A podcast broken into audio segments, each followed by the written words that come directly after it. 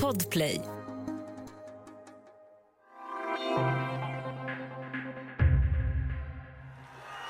Bu 10 tane Dışişleri Bakanı'nın dışişleri büyükelçi bunların bir an önce istenmeyen adam ilan edilmelerini hemen halledeceksiniz dedi. Ja, så här lät det när Turkiets president Erdogan höll tal i Eskişehir den 23 oktober. Han gick då ut med att ha beordrat turkiska utrikesministeriet att ambassadörer från Sverige, USA och åtta andra länder skulle skickas ut ur landet. Och det här öppnade förstås för en diplomatisk kris. I Turkiet har presidentens allt mer tjorviga relationer med omvärlden blivit en stor snackis under hösten. I dagens Studio DN tittar vi närmare på frågan om varför Erdogan kraschar sina utrikesrelationer just nu. Jag heter Ylky Holago.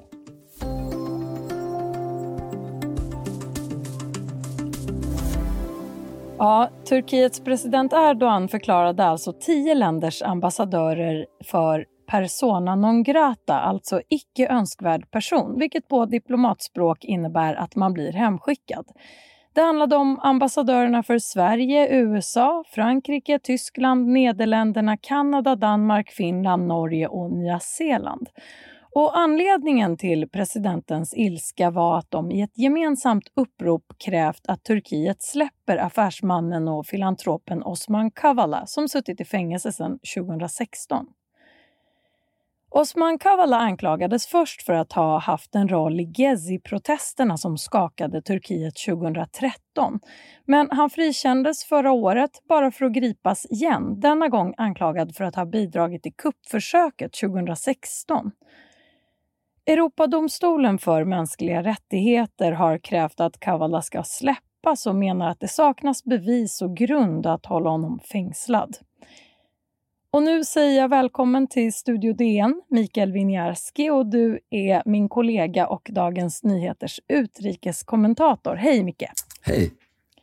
Vi har ju båda bevakat Turkiet länge och det är ett land med politisk dynamik som är otroligt eh, intensiv. Till att börja med, hur skulle du beskriva Turkiets president Recep Tayyip Erdogan som politisk ledare?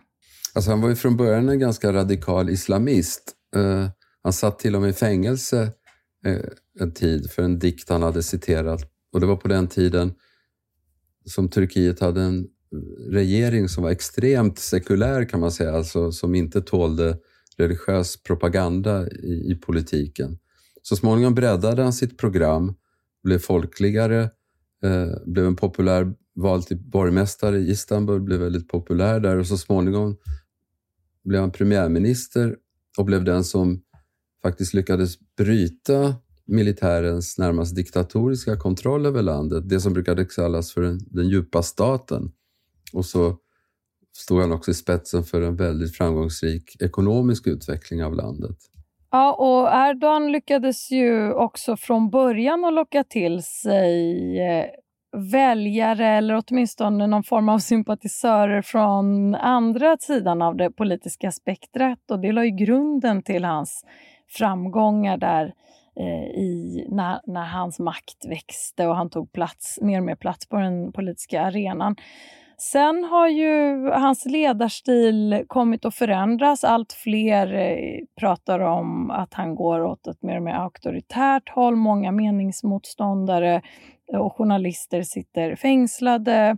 Saker som vi ofta får läsa om i nyhetsrapporteringen sedan några år tillbaka. Och så har vi då den här situationen idag med eh, diplomaterna. Hur ser du på det här Erdogans diplomatutspel och den konflikten? Ja, det, är väldigt, det är väldigt svårt att förklara. Han är, han är väl pressad från en massa olika håll.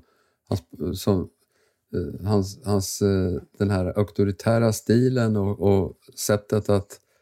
Han har ju burat in eh, tusentals politiska motståndare eller, eller inbillade politiska motståndare.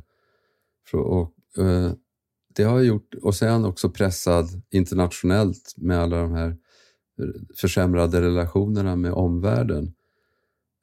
Så det, det, är lite svårt att förklara egentligen varför han tog det här steget. men det var väl någon... Ibland reagerar han... Han är ju kolerisk typ, så han reagerar så där ibland. Och sen får han backa, som han gjorde, fick göra den här gången.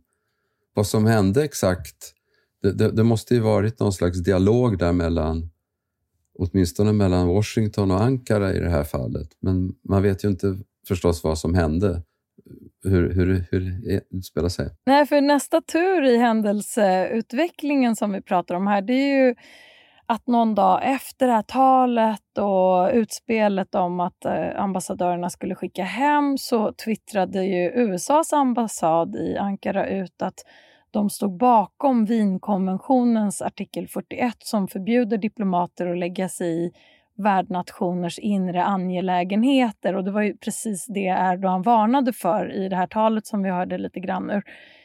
Och flera av de tio länderna retweetade och Erdogan gick ut då med att han såg positivt på den här eh, utvecklingen. Du nämnde lite här vad du tror eventuellt kan ha hänt i kulisserna, men vad, vad tror du mer utifrån din samlade erfarenhet? Hur brukar sånt här gå till? Det är omöjligt att veta. Jag tror att de, kan ju på någon de har väl någon, någon slags eh, kontaktlina på lägre nivå i alla fall. Och så kom de väl på... Jag menar, det är obegripligt att USA en, ena dagen eh, tar initiativ till en sånt här uttalande från västliga ambassadörer i Ankara och nästa dag medger att det där det var nog en överträdelse av såna diplomatiskt protokoll eller, och de här konventionerna. Det, det, man kan inte tänka sig att State Department i, i Washington inte kan de här reglerna. Men de båda, och, och, och jag tror att båda insåg säkert att den konfrontationen hade gått ett steg för långt. Att man måste ta ett steg, litet steg tillbaka. Men var det ett steg tillbaka? För det var ju egentligen bara en eh, påminnelse om att ja, men vi står bakom den här artikeln som en var det ett steg tillbaka eller var det en liten eh, mjuk påminnelse om att vi för, det här är det vi förhåller oss till? Vad skulle du säga? Alla de här länderna de, de har inte, de har inte tagit tillbaka själva innebörden i kritiken mot att eh, Erdogan har, har fängslat, eller har, håller den här fängslad då. Utan eh, däremot sättet det skedde på har de ju fått backa på. Och De flesta av länderna bakom det här uppropet för Osman Kavala är ju precis som Turkiet, NATO-länder. Hur påverkar det relationer och reaktioner? Ja, klart, det, är ju, det där är ju extra känsligt. Turkiet är ju NATO-medlem och det är faktiskt den starkaste militärmakten som finns inom den här Atlantpakten. Efter USA är de störst. Jag vet inte om de har liksom 600 000 soldater i den stående armén. Det Erdogan försöker göra det är att han, han, har, han har ambitioner att återskapa någon slags gammalt Turkiet från den tiden då det hette det Osmanska riket. Och då eh, kanske inte bokstavligen, att, för då, före första världskriget kontrollerade ju då eh, det Osmanska riket stora delar av Mellanöstern, alltså och hade militär kontroll över de här länderna. Det är väl inte det, men han ville väl återskapa det gamla inflytandet, politiska och ekonomiska inflytandet i regionen. Så det innebär en kollisionskurs då, inte bara med USA utan med nästan alla andra länder i Mellanöstern som inte alls gillar det här. Och det är också länder, så vi kan återkomma till det, men det är länder som eh, är Erdogans första period i början på 2000-talet. Då hade ju Turkiet väldigt goda relationer med alla de här länderna, men det har ju blivit väldigt försurat på senaste tiden. Från den turkiska oppositionen och analyser i Erdogan-kritiska turkiska medier så har man hävdat att eh, hela den här krisen handlar om ett försök att flytta fokus. Inte bara från bristande demokratiska rättigheter utan också den ekonomiska kris som drabbar många i Turkiet just nu. Eh, den turkiska liran rasar och mat och energi och bränslepriser och hyror skenar och så kom den här diplomatkrisen som fick dollarn att gå upp ännu mer. Det påverkade också eh, vanliga turkar. Erdogan har ju haft en stark väljarbas under sina snart 20 år vid makten men nu visar ju opinionsmätningar att det verkar dippa. Det är ett och ett halvt år kvar till valet. Vissa pratar om krav på extraval. Eh, hur mycket kan det inrikespolitiska läget påverka när en ledare som Erdogan väljer strategi? Ja, alltså för honom och den typen av politiska ledare så är det väl alltid maktinnehavet som är själva målet med deras, alla, allt de gör. Så att det har säkert väldigt stort inflytande. Problemet är att för honom är att hans utrikespolitiska agerande det har inte direkt stärkt honom, inte heller inrikespolitiskt. Det är ett problem som till exempel den här fruktansvärda flyktingkatastrofen som har sköljt in över Turkiet och från Syrien med över tre miljoner flyktingar där. Det, det, är inte hans fel så att säga. Det, det, har, det har ramlat över honom. Men samtidigt så har han ju gått in, och, gått in militärt i Syrien på flera ställen. Både mot regimen och mot kurderna. Och det, är inte heller någon, det har inte heller varit speciellt populärt bland väljarna, tror jag i alla fall. Sen är ju det att han... Eh, vi talade om det här att han hade bra relationer med grannarna tidigare.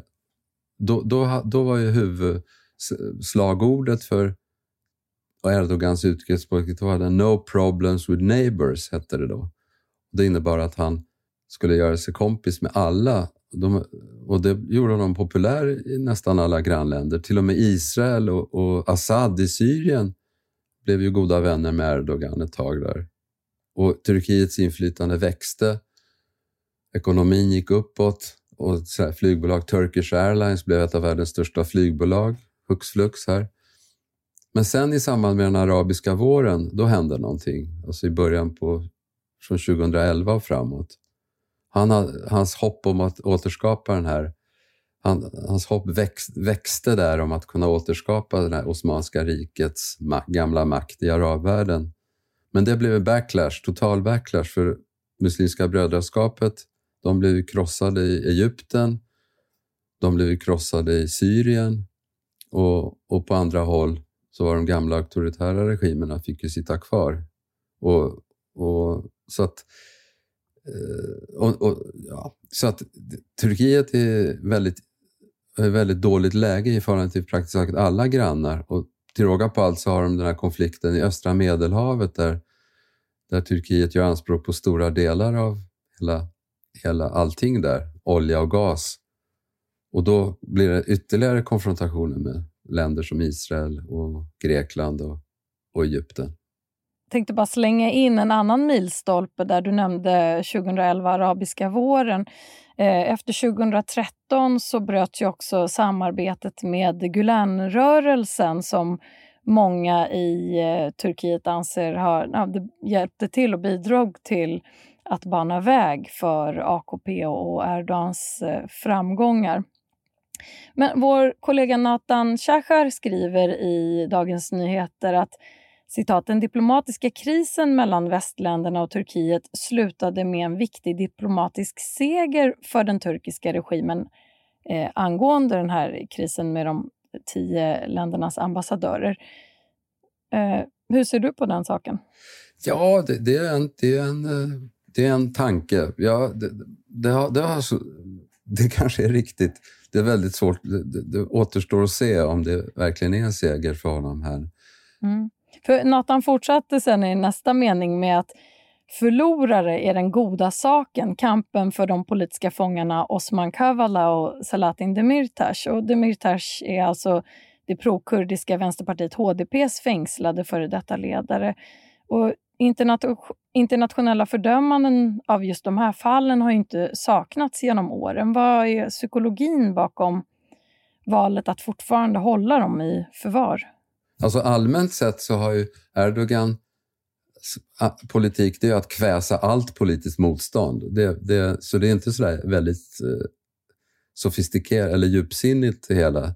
Men när det gäller kurd, och så det gäller till exempel Kavala och, och andra så att säga, vanliga politiska motståndare. När det gäller kurderna är det lite speciellt därför att han har ibland använt den kurdiska rörelsen för sina syften eller den kurdiska väljarkåren för sina syften när han har behövt deras röster. Så ett tag till och med förhandlade han med den fängslade PKK-ledaren Öcalan när, det behövde, när han tyckte det gynnade honom när han behövde deras röster. När det inte passade honom längre så var det slut och då gick han istället till militärt angrepp mot kurderna. Så det där är lite, ja, det är lite komplext. Han är opportunist i de där frågorna. Vi ska ta en kort paus och sen prata vidare om Turkiets relation till bland annat USA och Ryssland.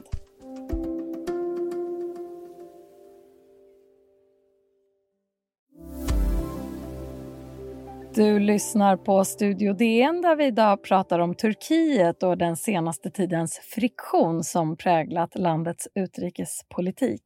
Mikael Winiarski, utrikeskommentator på Dagens Nyheter. Vi ska titta lite närmare på Turkiets böljande relation till stormakterna Ryssland och USA. Om vi börjar med Ryssland. Å ena sidan, Turkiet och Ryssland står på olika sidor i Syrienkriget. 2015 så sköt Turkiet ner ett ryskt stridsflygplan. Det eh, var eh, en olycka, menade man, som man bad om ursäkt för. Men året därpå så mördades Rysslands ambassadör inför publik i Ankara. År 2020 så dödades minst 37 turkiska soldater i ett ryskt flyganfall i Syrien, för att nämna några exempel. Men å andra sidan så vill Turkiet hålla relationen med Ryssland varm. Eh, man har köpt ett ryskt luftvärnssystem som och det här har eh, förargat USA som på grund av det här då 2020 införde sanktioner mot eh, Turkiet. Det här är också ett problem inom Nato. Och Erdogan och Putin träffades för en månad sedan i Sochi och i Turkiet så fick Erdogan kritik för att ha mött Putin på egen hand utan att ta med till exempel sin utrikesminister, vilket protokollet brukar kräva. Det är mycket att packa upp här, men vad säger du Micke om de här herrarna, Putin och Erdogans komplexa relation? Alltså det, rapporterna från det här mötet i Sochi, det verkade gå ut på att det var kortare än väntat och ganska svalt sådär. De hade ju, som du säger, det är jättemycket ömsesidiga frågor. Det är inte minst att de står militärt mot varandra i Syrien. Det är kanske den mest laddade frågan. Och sen är det ju annat samarbete om energifrågor och de här missilsystem, luftvärnsmissilerna som Turkiet har köpt. Men annars, själva deras relation, ja, den är rätt komplex. De har väl luktsinne, såna auktoritära ledare, så de uppskattar ju varandra rent instinktivt. Med sina auktoritära böjelser så förstår de ju varandra, men det är inte alltid deras intressen sammanfaller till exempel som i Syrien då, som i huvudsak står emot varandra och de försöker väl hitta något sätt. Eh, Putin försöker väl lirka med Turkiet att eh, Erdogan, med Erdogan att Turkiet ska dra sig bort, men det tänker inte Turkiet göra utan vissa villkor och så. Båda behöver ju också varandra eftersom Erdogan använder Putin som en, för att, som en balans i, sin, i sina, mot USA när han försöker få ut saker från amerikanarna. Och Putin inser att, han, att en sån här regional stormakt som Turkiet kan man inte ignorera utan måste förhålla sig till eller samarbeta med i vissa frågor. Så det där är ju väldigt komplext, som du säger.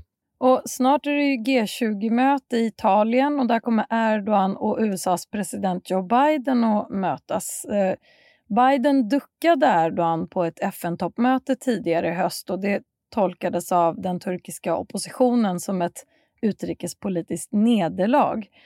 Eh, Erdogan hade ju tidigare en svajig men ändå ganska god relation till Trump. Men hur tycker du att vi ska definiera känslorna mellan Erdogan och Biden just nu? De har ju också en historik. Ja, de gillar nog inte alls varandra. Det har ju sagts elaka saker och så. Och att Biden vägrade att heja på Erdogan där i, i, när han var i New York, det sågs nog som en örfil förstås. Och så, Biden har också uttalat sig på ett annat sätt om demokrati och mänskliga rättigheter, eh, på ett annat sätt än vad Trump gjorde förstås. Det, det, sånt där slapp ju Erdogan höra från Trump. Men nu vill han ju köpa stridsflygplan i alla fall från USA. Han fick ju nobben för det där moderna F F35-planet som USA, det var väl en av deras eh, hämndaktioner mot Turkiet för att de hade köpt de här ryska missilerna, avancerade missilerna.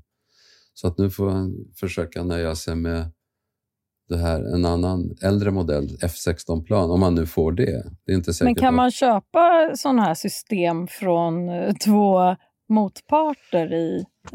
Ja, no, ja, jag vet, ja, NATO häv, ja, uppenbarligen går det ju. NATO hävdar ju att det är inkompatibelt med deras eh, hela militära system och struktur.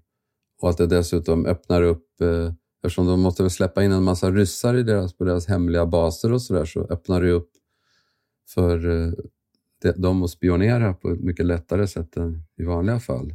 Men eh, Ja, de är inte, det är inte som att eh, USA att, tänker slänga ut Turkiet ur NATO i alla fall. Det är alldeles för viktigt. Tack så jättemycket, Mikael Winiarski, utrikeskommentator här på Dagens Nyheter. Tack! Ljudklippet i dagens avsnitt kommer från CNN Turk. Om du vill kontakta oss så går det bra att mejla till studiodn dn.se. Studio DN görs för Podplay av producent Palmira Kokarimenga, ljudtekniker Patrik Misenberger, teknik Jonas Lindskov på Bauer Media och jag heter Ylke Holago.